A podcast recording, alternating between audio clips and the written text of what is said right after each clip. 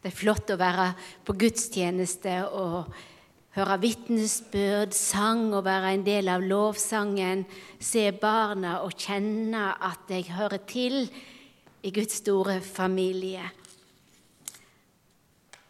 Og nå er det jo litt spennende, for vi skal ta for oss dette med treenigheten. Men jeg kanskje kommer til å gå en litt annen vei enn dere forventer når vi skal begynne å snakke om Gud. Men nå får vi se.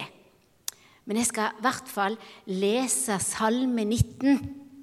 Og hvis det er noen som har Salme 19 på mobilen, så slå det gjerne opp, for jeg kommer litt tilbake til en del ting som står der. Det er en salme som jeg er, er veldig glad i, for den får på en måte med seg alt. Og jeg leser Det er en salme etter David, salme 19. Himmelen kunngjør Guds ære. Kvelden forteller om det hans hender har gjort. Dagen let sin tale strøyme til neste dag. Natt gjev sin kunnskap til natt. Det er ikke tale og ikke ord. Stemmene kan ikke høres, men de når utover hele jorda. Eh, orda når dit verda ender. Himmelen har han reist et telt for, I himmelen har han reist et telt for sola. Lik en brudgom går hun ut av sitt kammer. Hun gleder seg som en helt til å springe i sin bane. Hun gir sin rundgang fra himmelrand til himmelrand. Ingenting er løgn for henne glød. Herrens lov er fullkommen. Hun gir livet nytt. Herrens vitnemål står fast. Det gir den uvitende vis. Herrens påbå er rette. De gir hjertet glad. Herrens spå er klårt, de gjev augo lys. Frykta for Herren er rein, ho varer til evig tid. Herrens dommer er sanne, rettferdige er de alle. De er mer verde enn gull, skinende gull i mengd. De er søtere enn honning, ny og rennende honning. Gjennom dei får din tjener åtvaring, de gir stor lønn å halde dei. Kven kjenner sine egne feilsteg? Frikjenn meg fra det jeg ikke veit om. Spar din tjener for hovmod.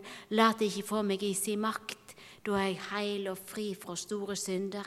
Måtte orda fra min munn og tankene i mitt hjerte være til glede for deg, Herre, min utløser og mitt berg. Jeg vet ikke hvor tid du hadde din første fornemmelse av at Gud var til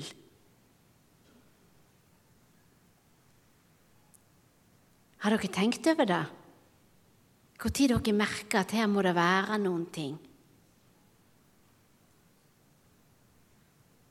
Tenk litt over det. Når var det du først fornemma at Gud var til? At det var noe mer?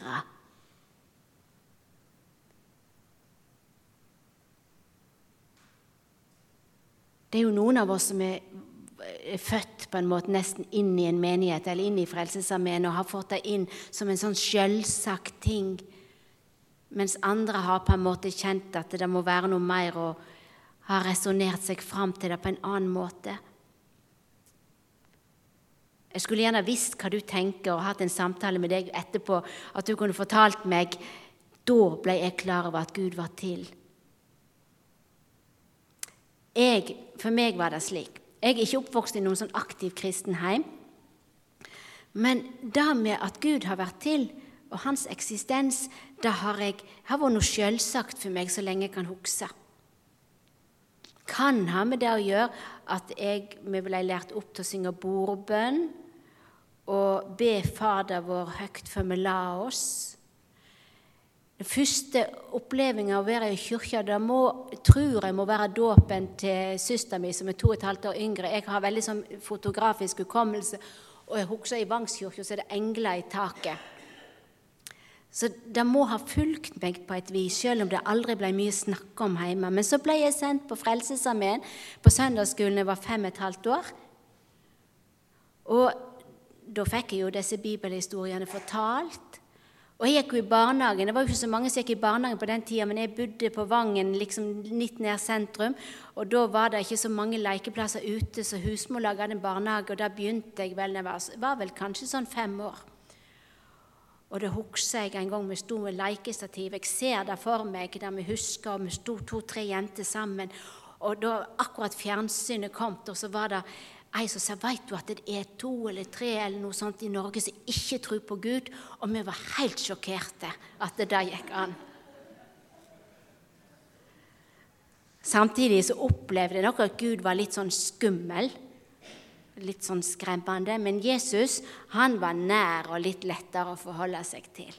Så sånn var det med meg.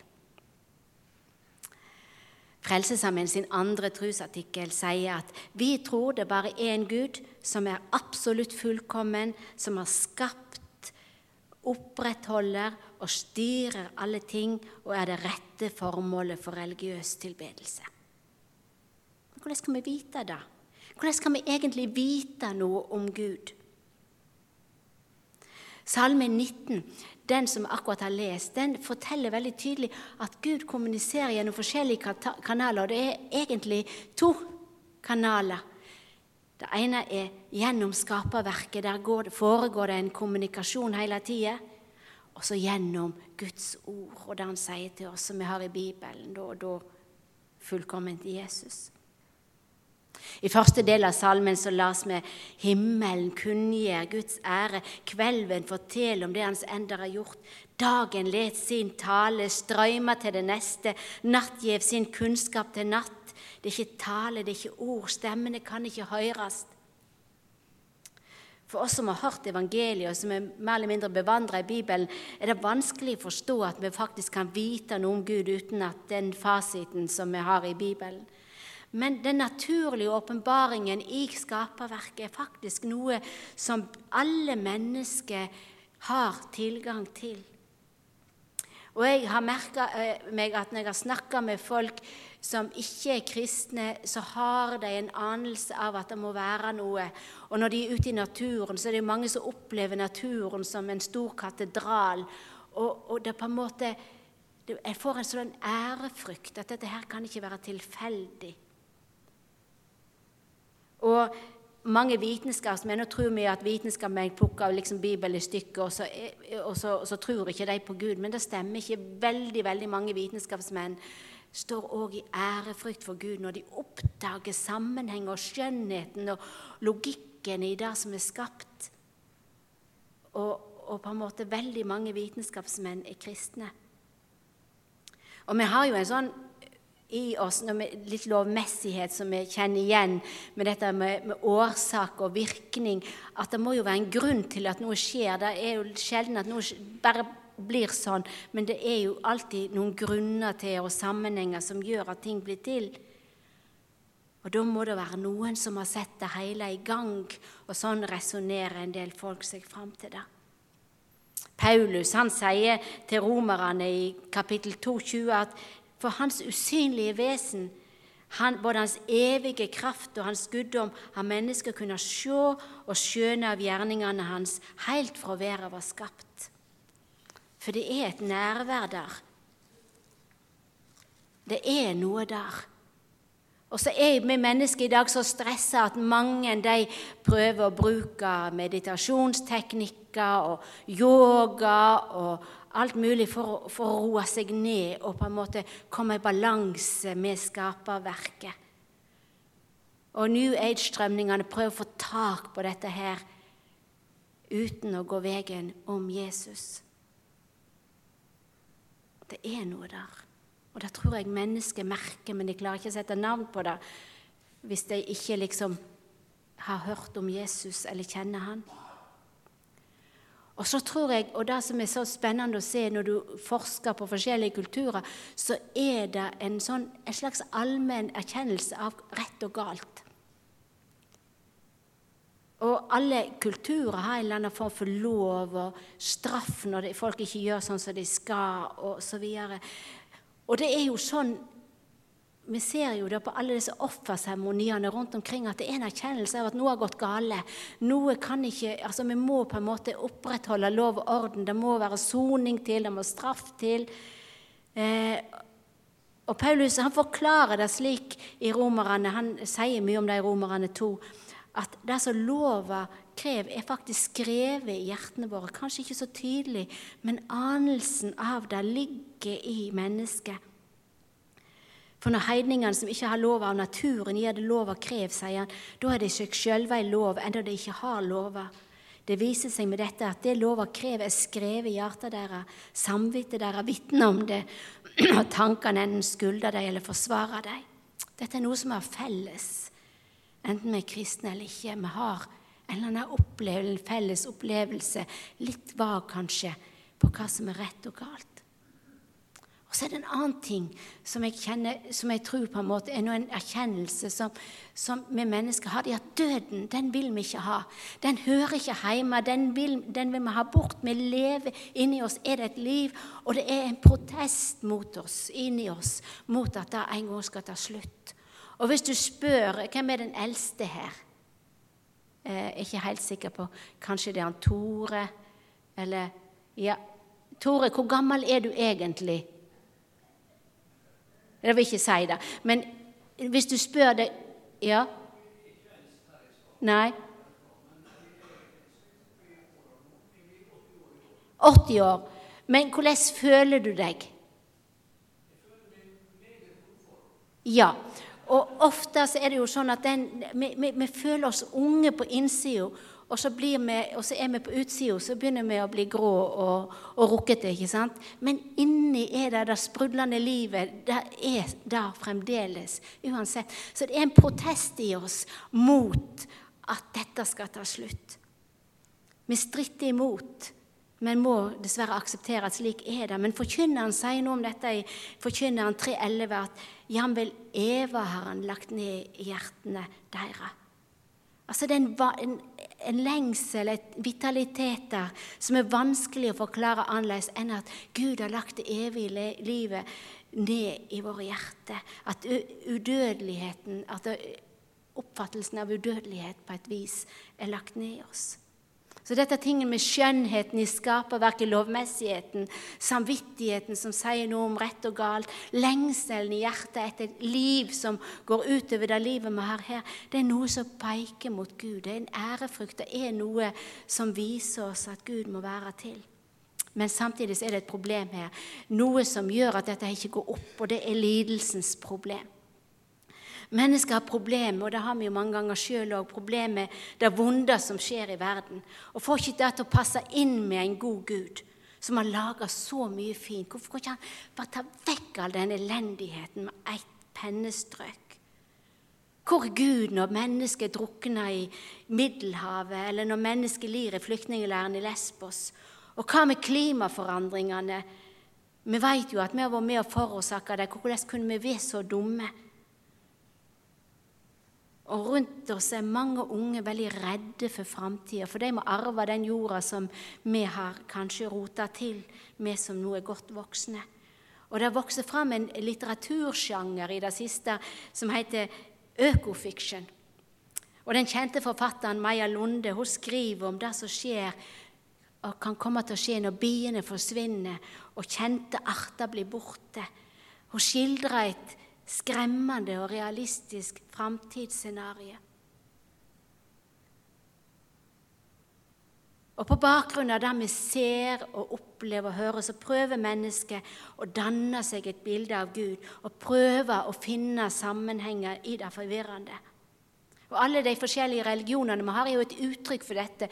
Måter å få dette til å gå opp og få kontakt med den guddommen som vi helt ikke får tak på. Andre de sier at dette her bare vraker jeg, for dette går ikke opp, og jeg vil ikke ha noe med det å gjøre, og jeg tror ikke på Gud. Men det er jo slik at vi aner sammenhenger, men vi ser bare stykkevis og delt. Og Derfor så er jo det at den naturlige åpenbaringen sier noe. Når vi ser på skaperverket, når vi ser på lovmessigheten, eh, ser mennesket, studerer det som Gud har skapt, så kan vi forstå ganske mye. Men det er ikke nok. Det er ikke nok til å frelse. For det er noe som har gått gale i dette skaper, flotte skaperverket. Det stemmer da at det vondes problem er der, og at vi får ikke helt bukt med det. Derfor er vi avhengige av at Gud gir seg til kjenne At han letter på sløret og åpenbærer seg for oss. Og I den første delen av Salme 19 så er det den ordløse kommunikasjonen han meddeler seg i. Men fra vers 8 så er det snakk om Guds lov. Og ei lov er jo ikke ordløs. Selv om Paulus skriver at lova er skrevet i hjertene våre, så er det som står i Salme 19, mye sterkere og mye mer tydelig enn den diffuse aningen som vi kan ha eh, sånn innerst inne. I Salme 19 så lovpriser David Guds lov. Han sier Guds lov er fullkommen. Hun gir livet nytt. Herrens vitnemål står fast, det gir den uvitende vis. Herrens påbud er rette, de gir hjertet glad. Herrens spå er klart, det gir auga lys. Frykta for Herren er rein, hun varer til evig tid. Herrens dommer er sanne, rettferdige er de alle. Det er en skjønnhet og en renhet i Guds bud som mennesker ikke kunne finne helt på av seg sjøl. De må få fått det en plass ifra. Og der kommer ordet inn. Ja, hvor kommer det nye inn da? Hvor tid begynte Gud å si noe om hvordan han ville ha det, og hvordan vi skulle leve? Nå begynte han å meddele seg med ord. Og så kjenner vi jo, som har vært med en stund, det som skjedde i paradiset, der kommunikasjonen ble brutt mellom Ada og Eva, og de ble kastet ut av paradiset, og mennesket gikk og, og virra rundt. Men så hadde Gud en plan. Så valgte han seg ut Abraham. Og hvordan han snakka med han, det vet jeg jo ikke, men han fikk jo beskjed at han skulle gå ut fra det landet han bodde i, og reise til et land som Gud skulle vise han, og at han skulle få en sønn. og Han hadde jo ikke barn og kunne ikke få barn. Og så skulle han blitt en stor etterpå, som stjernene på himmelen. Og det var jo helt egentlig eh, Han var jo helt sprø, egentlig, som på en måte våga å gå ut på det, men han gjorde det. Så ble det til et folk. Så vet vi at de var i Egypt. Det var jo en hel historie. Og så ble det vanskelig, og så skulle Gud ha dem tilbake igjen til Kananslandet som han hadde lovt dem. Og så viser han seg for Moses i den brennende tornebusken. Og da får han et navn han kaller seg 'Jeg er', og det er den Gud som vi aner i skaperverket, men som nå gjør seg til kjenne og vil ha kontakt med mennesket og vil gjenopprette det som var gått i stykket. Han gav, han, eh, han gav seg navnet 'Jeg er'. Ego Eimi, står det på grunnteksten. Og Seinere fikk vi jo de ti bud på Sinai. Det var Moses som fikk dem. Og De ti budene de gir standarden for hvordan folk skulle leve. Og vi vet jo at hvis folk hadde levd sånn som de ti budene skal, eh, sa, så ville vi hatt det godt. Hvis vi ikke hadde løyet og ikke hadde stjålet og holdt hviledagen hellig, holdt de rytmene som Gud gav, eh, ikke begynte å misunne naboen for det han hadde, ikke, begynte, ikke tok og slo i hjel altså, Det ville jo vært et helt annet samfunn. Det er en skjønnhet i de budene som peker fram mot Jesus òg. Men de klarte jo ikke å leve opp til det israelsfolket. De rota det til, og så omvendte de seg, og så prøvde de igjen. Og så kom det profeter og, og sa at nå måtte dere vende om, og så ble de deportert til Babylon. Og det var masse vanskelig i Israels historie fordi de ikke fordi de svikta Gud, som hadde kalt dem, og som ville eh, føre dem inn i det han hadde tenkt men det som er så fantastisk, at inni alle profetier og advarsler så trer et løfte om en frelser fram. Gud skulle sjøl komme og frelse folket sitt og oppfylle sitt lov, sin lov.